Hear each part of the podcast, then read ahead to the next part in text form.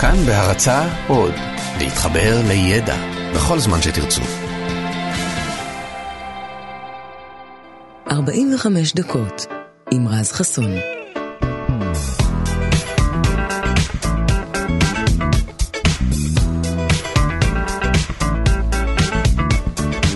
כאן תרבות, בוקר טוב לכם, 104.9, 105.3 FM וגם באפליקציה שלנו כאן אודי, שם אתם גם יכולים להאזין לנו.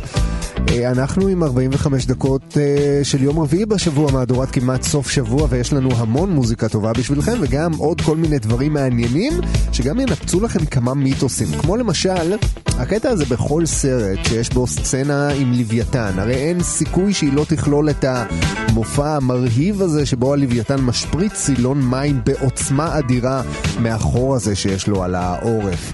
אז אחרי כל כך הרבה סרטים כאלה, נראה לי שהגיע הזמן לחשוף את השקר שמאחורי התופעה הזו. לוויתן לא משפריץ מים מהחור הזה שיש לו על הגב.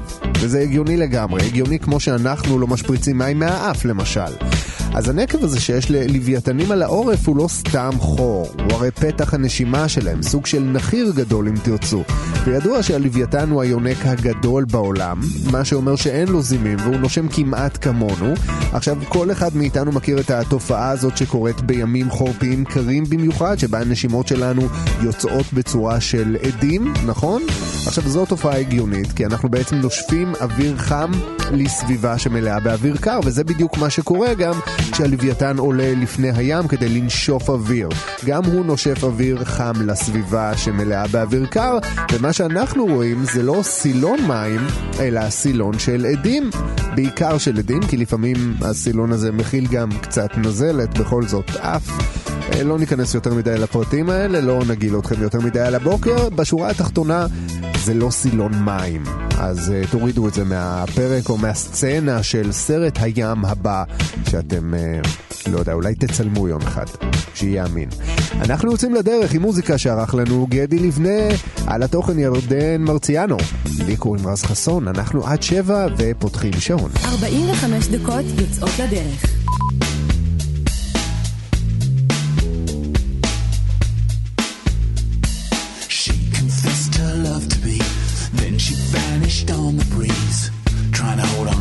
Just impossible. She was more than beautiful, closer to ethereal, with a kind of down to earth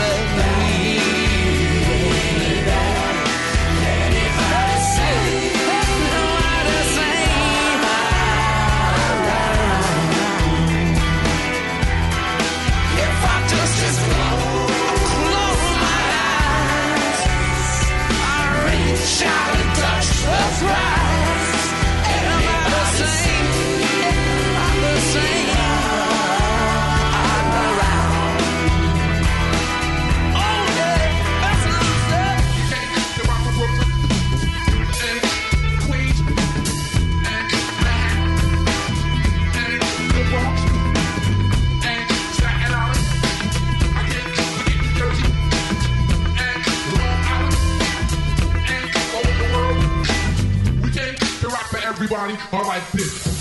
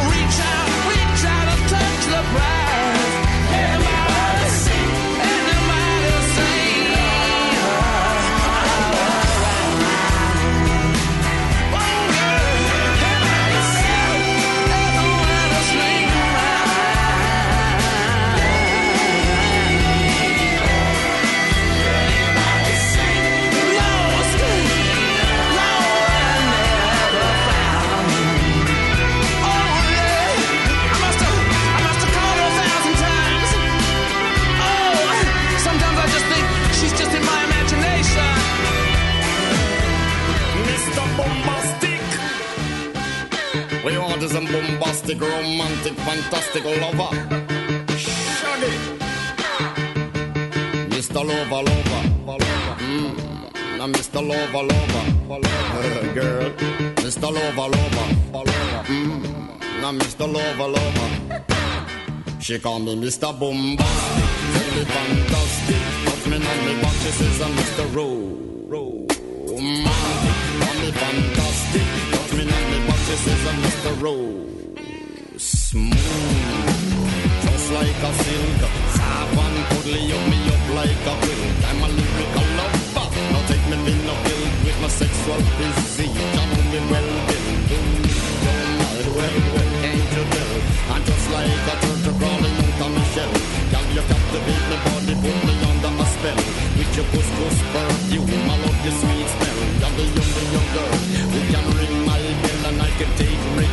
曾经的痛，如今都慢慢明白。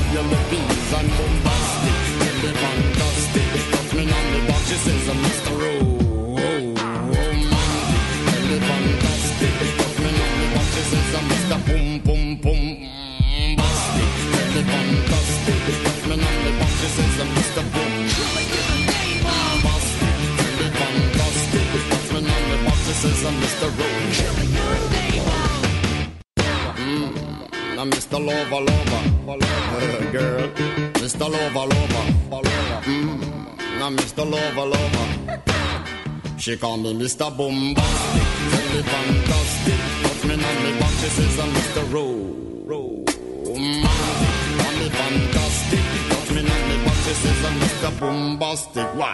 Girl, your admiration, it can lead me from the start. With some physical attraction, girl, you look to feel the spark. I want a few words, now go tell you no sweetheart. Go lava, lava, lava, lava, chop near far.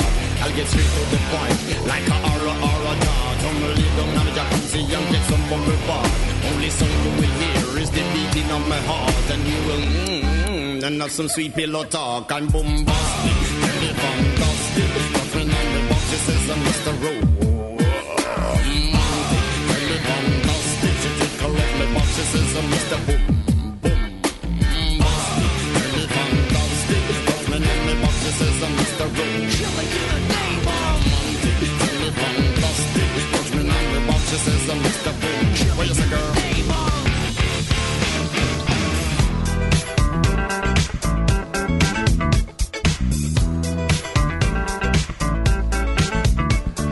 אתם יודעים, אתמול אה, בבוקר בדרך לכאן תפס אותי גשם ממש משוגע. עכשיו, גשם לא ממש מפחיד אותי בדרך כלל, אבל מרחוק גם שמעתי כמה רעמים. ופתאום התחלתי להילחץ מזה ממש, שאני מחזיק במטריה שגם ידית האחיזה שלה היא ממתכת. כאילו שאם לא מספיק שהמטריה הזאת לא באמת עוזרת לי נגד הגשם, אז עכשיו היא גם חושפת אותי לסכנת התחשמלות. ופתאום חשבתי על זה, שהמקום הכי בטוח להיות בו בסופת ברקים, הוא כמובן הסלון החמים שלנו בבית. אבל את זה אנחנו יודעים, אבל מה קורה אם אנחנו מחוץ לבית? מה המקום השני הכי בטוח להיות בו כשסופת ברקים, אה? אז כדי לענות על השאלה הזאת אנחנו צריכים להגדיר מה זה בכלל ברק, שזה משהו שכל ילד יודע. ברק הוא בעצם פריקה של מטען חשמלי שנמצא בעננים. פשוט, נכון? עכשיו בואו נדבר על סביבה שלא מאפשרת חדירה של שדות חשמליים לתוכה, וכדי לפשט את ההגדרה הזאת בואו נתאר לרגע את הסיטואציה הזאת שכולנו מכירים, שבה אנחנו מדברים עם חבר בסלולרי ואז נכנסים למעלית וזהו, השיחה מתנתקת. עכשיו הניתוק הזה קורה כי המעלית, בגלל שהיא כולה מתכתית, היא סביבה שלא מאפשרת למטען חשמלי להיכנס לתוכה או לצאת ממנה. בשפה המדעית מתקן כזה נקרא כלוב פארדיי, מה שאומר בעצם שאם בחוץ משתוללת סופת ברקים ואתם כרגע בתוך מעלית, גם אם מדובר במעלית חיצונית שחשופה לחוץ, אתם יכולים להיות רגועים כשאתם בתוכה. אתם לא תתחשמלו, שום דבר לא יקרה לכם. במקרה הכי גרוע, תיתקעו שם כמה דקות. אבל עם כל הכבוד למעליות, כמה זמן ביום אנחנו כבר מבלים בתוך מעלית, שלא לדבר על מעלית שנמצאת באמצע הרחוב. אז מעלית לא תעזור לנו באמצע הדרך לסופר, אם פתאום נקלענו לסופת ברקים, זה נכון. אבל מכונית, דווקא כן.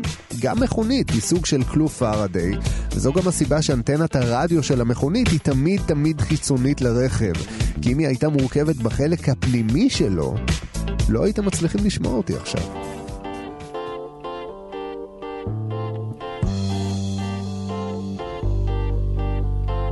יש לי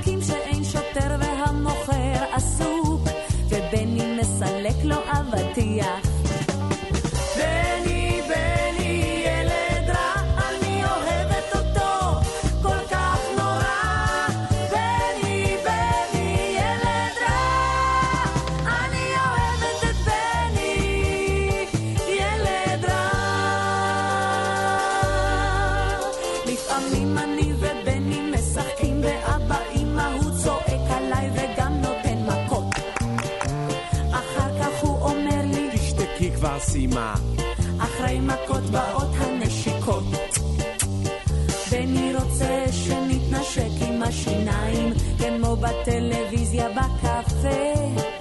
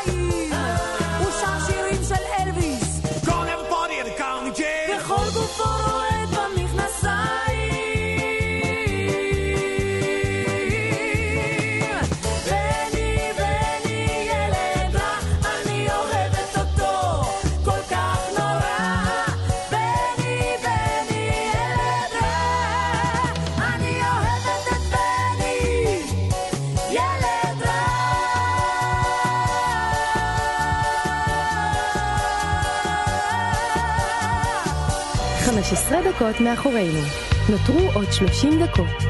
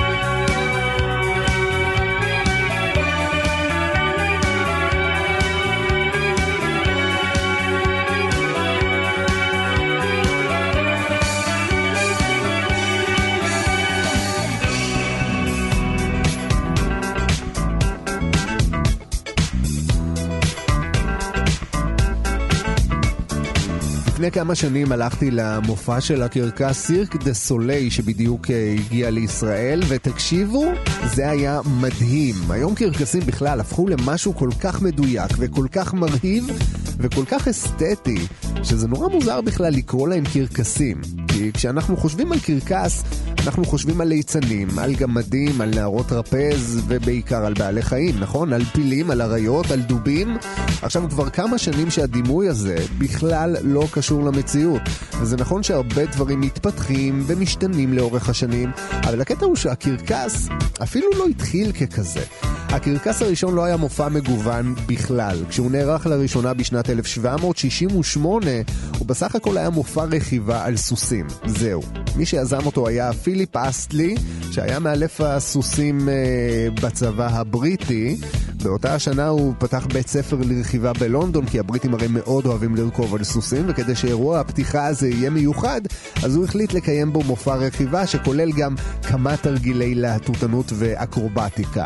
אז סוסים וקצת אקרובטיקה, זה כל מה שהיה במתכונת המקורית של הקרקס, שגם לא באמת נקרא קרקס אז. השם קרקס התקבע קצת יותר מאוחר על שם צורת הזירה שבה המופע נערך. כל ילד יודע שזירת הקרקס היא עגולה, ומתברר שהצורה הזאת היא לא מקרית בכלל. כשסוסים רצים במעגל, הם שומרים על מהירות ותנודתיות קבועה, מה שמאפשר ללהטוטנים לשמור על ריכוז מקסימלי.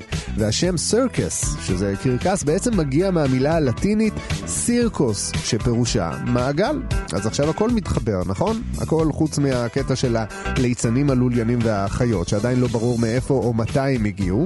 אז נחזור רגע למופע של אה, אסטלי, שהיה אגב ממש מוצלח. הוא היה ממש מוצלח, כל כך מוצלח, שהוא החליט אפילו לקיים אותו שוב, ואז שוב, ואז שוב כל שנה, והמופע המרכזי היה עדיין מופע הרכיבה המקורי. אבל כדי לאפשר לרוכבים ולסוסים לנוח בין מופע למופע, הוא היה צריך למלא את ההפסקות שבין המופעים איכשהו. אז כדי שהקהל לא ישתעמם לו, אסלי הביא ליצנים מהתיאטרון ואקרובטים שהולכים על חבל, והתוכניה הזו כללה בהמשך גם עוני טרפז ונערות גומי, וגם בעלי חיים שהולפו במיוחד לטובת המופע הזה. אז בעשורים האחרונים ברוב המדינות המפותחות נאסר שילוב של בעלי חיים במופעי קרקס, מה שבסך הכל עשה טוב לקרקסים שחזרו להתבסס נטו על אומנות שברוב המקרים היא גם ממש ממש מרהיבה.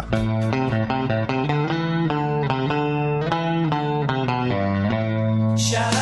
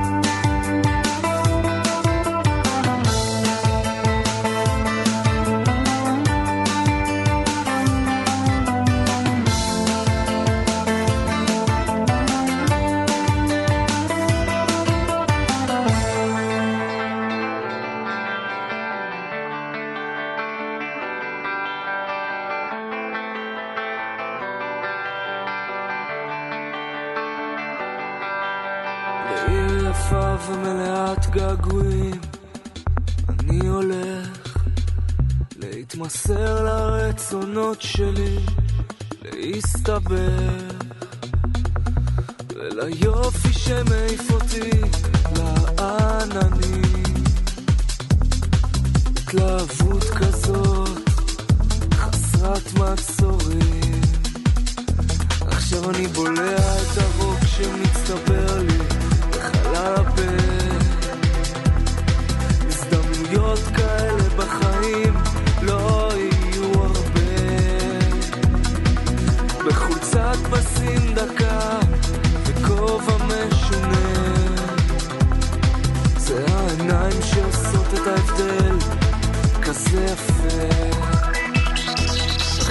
נבהל ואז חוזר לוקח את הזמן, לא ממהר. אני שומע מבחוץ שהפה שלי אומר, מה הפה שלי אומר? עכשיו זה לתמיד או לוותר. ובאתי לאחד, יצאתי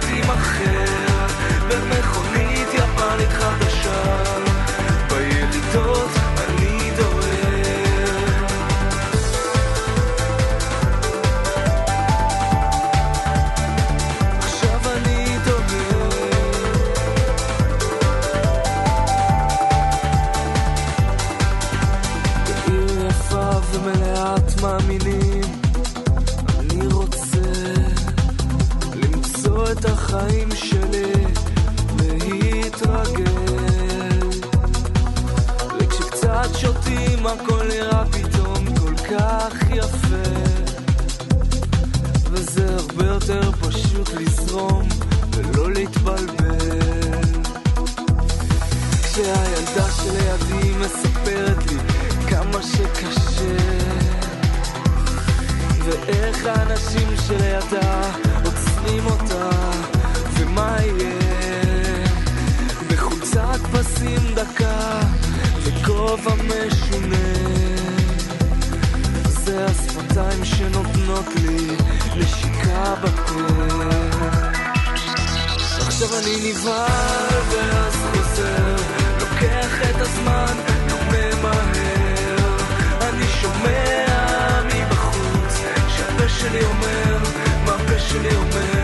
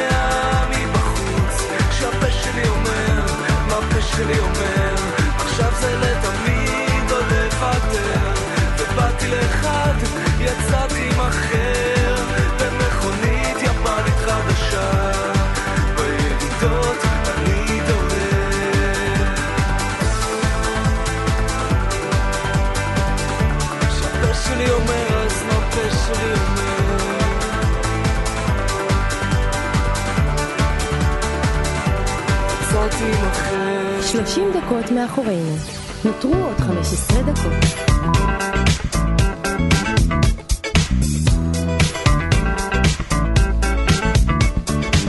בחור שיוצא עם בחורה המון זמן פוחד בעיקר מהרגע הזה שבו הוא יציע לה נישואין. עכשיו, נשים חושבות שגברים פשוט חוששים ממחויבות ולא רוצים להתחתן, אבל זה לא נכון. גברים חוששים פשוט מהרגע הזה שבו הם יצטרכו ללכת ולבחור טבעת, שהרי בטוח תהיה נדושה מדי, או קטנה מדי, או לא יקרה מספיק, או בדיוק כמו שיש לחברה שלה, וזה כאב ראש היסטרי, באמת, זה נורא. במיוחד כל הנושא הזה של היהלום. הרי טבעת חייבת לכלול גם יהלום, ואם אתם חושבים שכל היהלומים הם אותו הדבר, אז אני מקווה בשבילכם שאתם כבר נשואים, כי יש כל כך הרבה סוגים. יש זרקונים שהם לא באמת יהלומים, יש יהלומי אמרלד, ויש יהלומי כרית, ויהלומי פרינסס, ויש כמה דירוגים של קראט, ושקלול של בהירות היהלום במחיר עם הקראט. בקיצור, כאב ראש שלא תדעו, באמת. ולא סתם כאב ראש, כאב ראש שהוא גם מיותר לגמרי, כי מי שהכניסו לנו אותו לראש,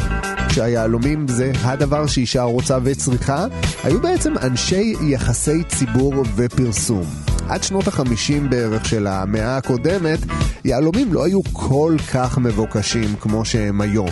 המיתון שעבר על אירופה אחרי שתי מלחמות העולם תקע המון סוחרי יהלומים עם סטוקים אדירים של יהלומים של אבנים שאף אחד פשוט לא קנה.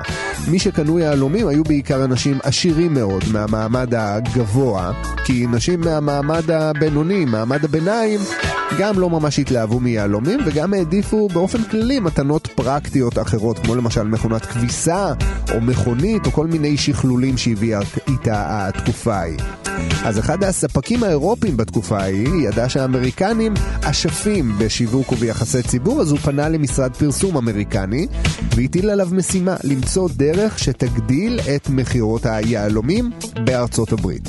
וככה נולד אחד הסלוגנים הכי מפורסמים A Diamond is Forever, יהלום הוא לנצח. סלוגן שכיכב במסע הפרסום שפשט בתקופה ההיא בכל המדינה. לקמפיין הזה גם גויסו מיטב הידוענים, שחקני קולנוע ובעיקר שחקניות, שגם קיבלו תכשיטי יהלומים במתנה רק כדי שיראו איתן אה, בציבור. הציבור כצפוי נפל ברשת ואחוזי המכירות של יהלומים עלו בעשרות אחוזים. אבל אז התחילה להתעורר בעיה אחרת. ספקי היהלומים וחנויות התכשיטים שמו לב שהמכירות התמתנו פתאום. אנשים פתאום קנו פחות יהלומים, אבל מצד שני, הדיבור על יהלומים נמשך ולא הפסיק, אז איך זה הגיוני? אנשים מדברים ולא קונים? אז מתברר שלא מעט נשים שהתגרשו והחליטו להיפטר מטבעות הנישואין והאירוסין שלהן, החליטו לעשות על הדרך גם קצת כסף והציעו אותן למכירה. אז גם התופעה הזאת טופלה באותה השיטה בדיוק, עם קמפיין חדש וסלוגן חדש.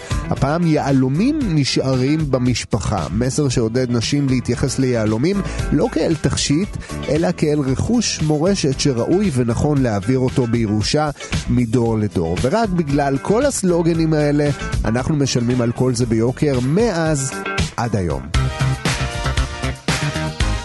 And you can dance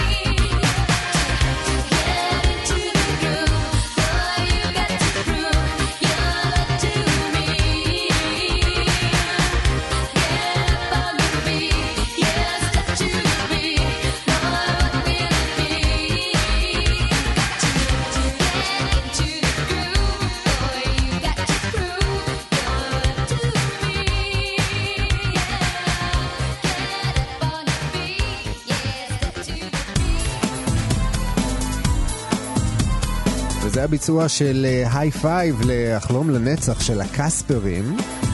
ואיתם אנחנו גם אה, נפרדים, אז תודה רבה לגדי לבנה על המוזיקה, וגם לירדן מרציאנו על התוכן, וגם לאלון מקלר ולנדב אה, זילברשטיין על זה שהם קיימים, ואנחנו נשתמע כאן מחר, בדיוק באותה שעה לי קוראים רז חסון. יום טוב, ביי. לבד,